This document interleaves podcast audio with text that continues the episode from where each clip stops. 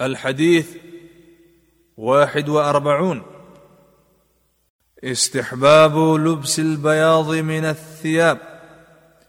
وتكفين الموتى بها سپینه کپړه کې سپینه کپړه غوستل او د هغې نه مړو ته کفن ورکول مستحب او غوره دي عن عبد الله بن عباس رضي الله عنهما قال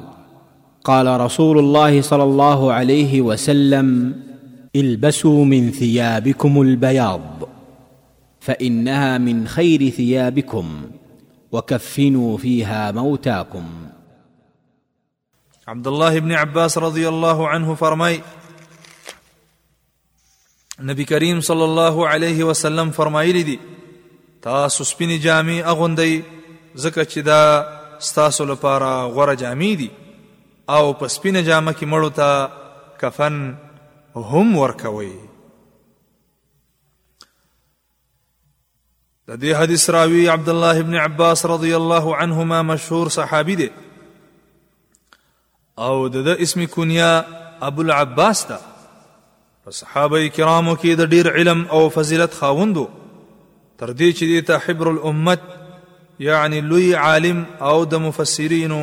امام وای او په نسب کې د نبی کریم صلی الله علیه وسلم د تر زوی دی د نبی کریم صلی الله علیه وسلم د هجرت نه درې کاله مخکې په شعب ابي طالب کې پیدا شوی دی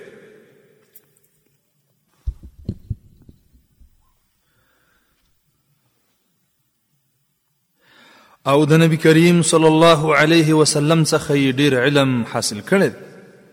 د حدیثو په کتابونو کې د دنه د نبی کریم صلی الله علیه وسلم یو زرو شپږ سوه شپېته احادیث نقل دي کله چې نبی کریم صلی الله علیه وسلم وفات شو عبد الله ابن عباس رضی الله عنه د دیار لسکالو په عمر بیا علی ابن ابي طالب رضی الله عنه د خپل خلافت په زمانه کې د بصری امیر وټاک او بیا رستو په کال اتش پته هجری کې چې عمر یو او یا کالو د طائف په ښار کې وفات شو من فوائد هذا الحديث د دې حدیث د فوائد څخه اول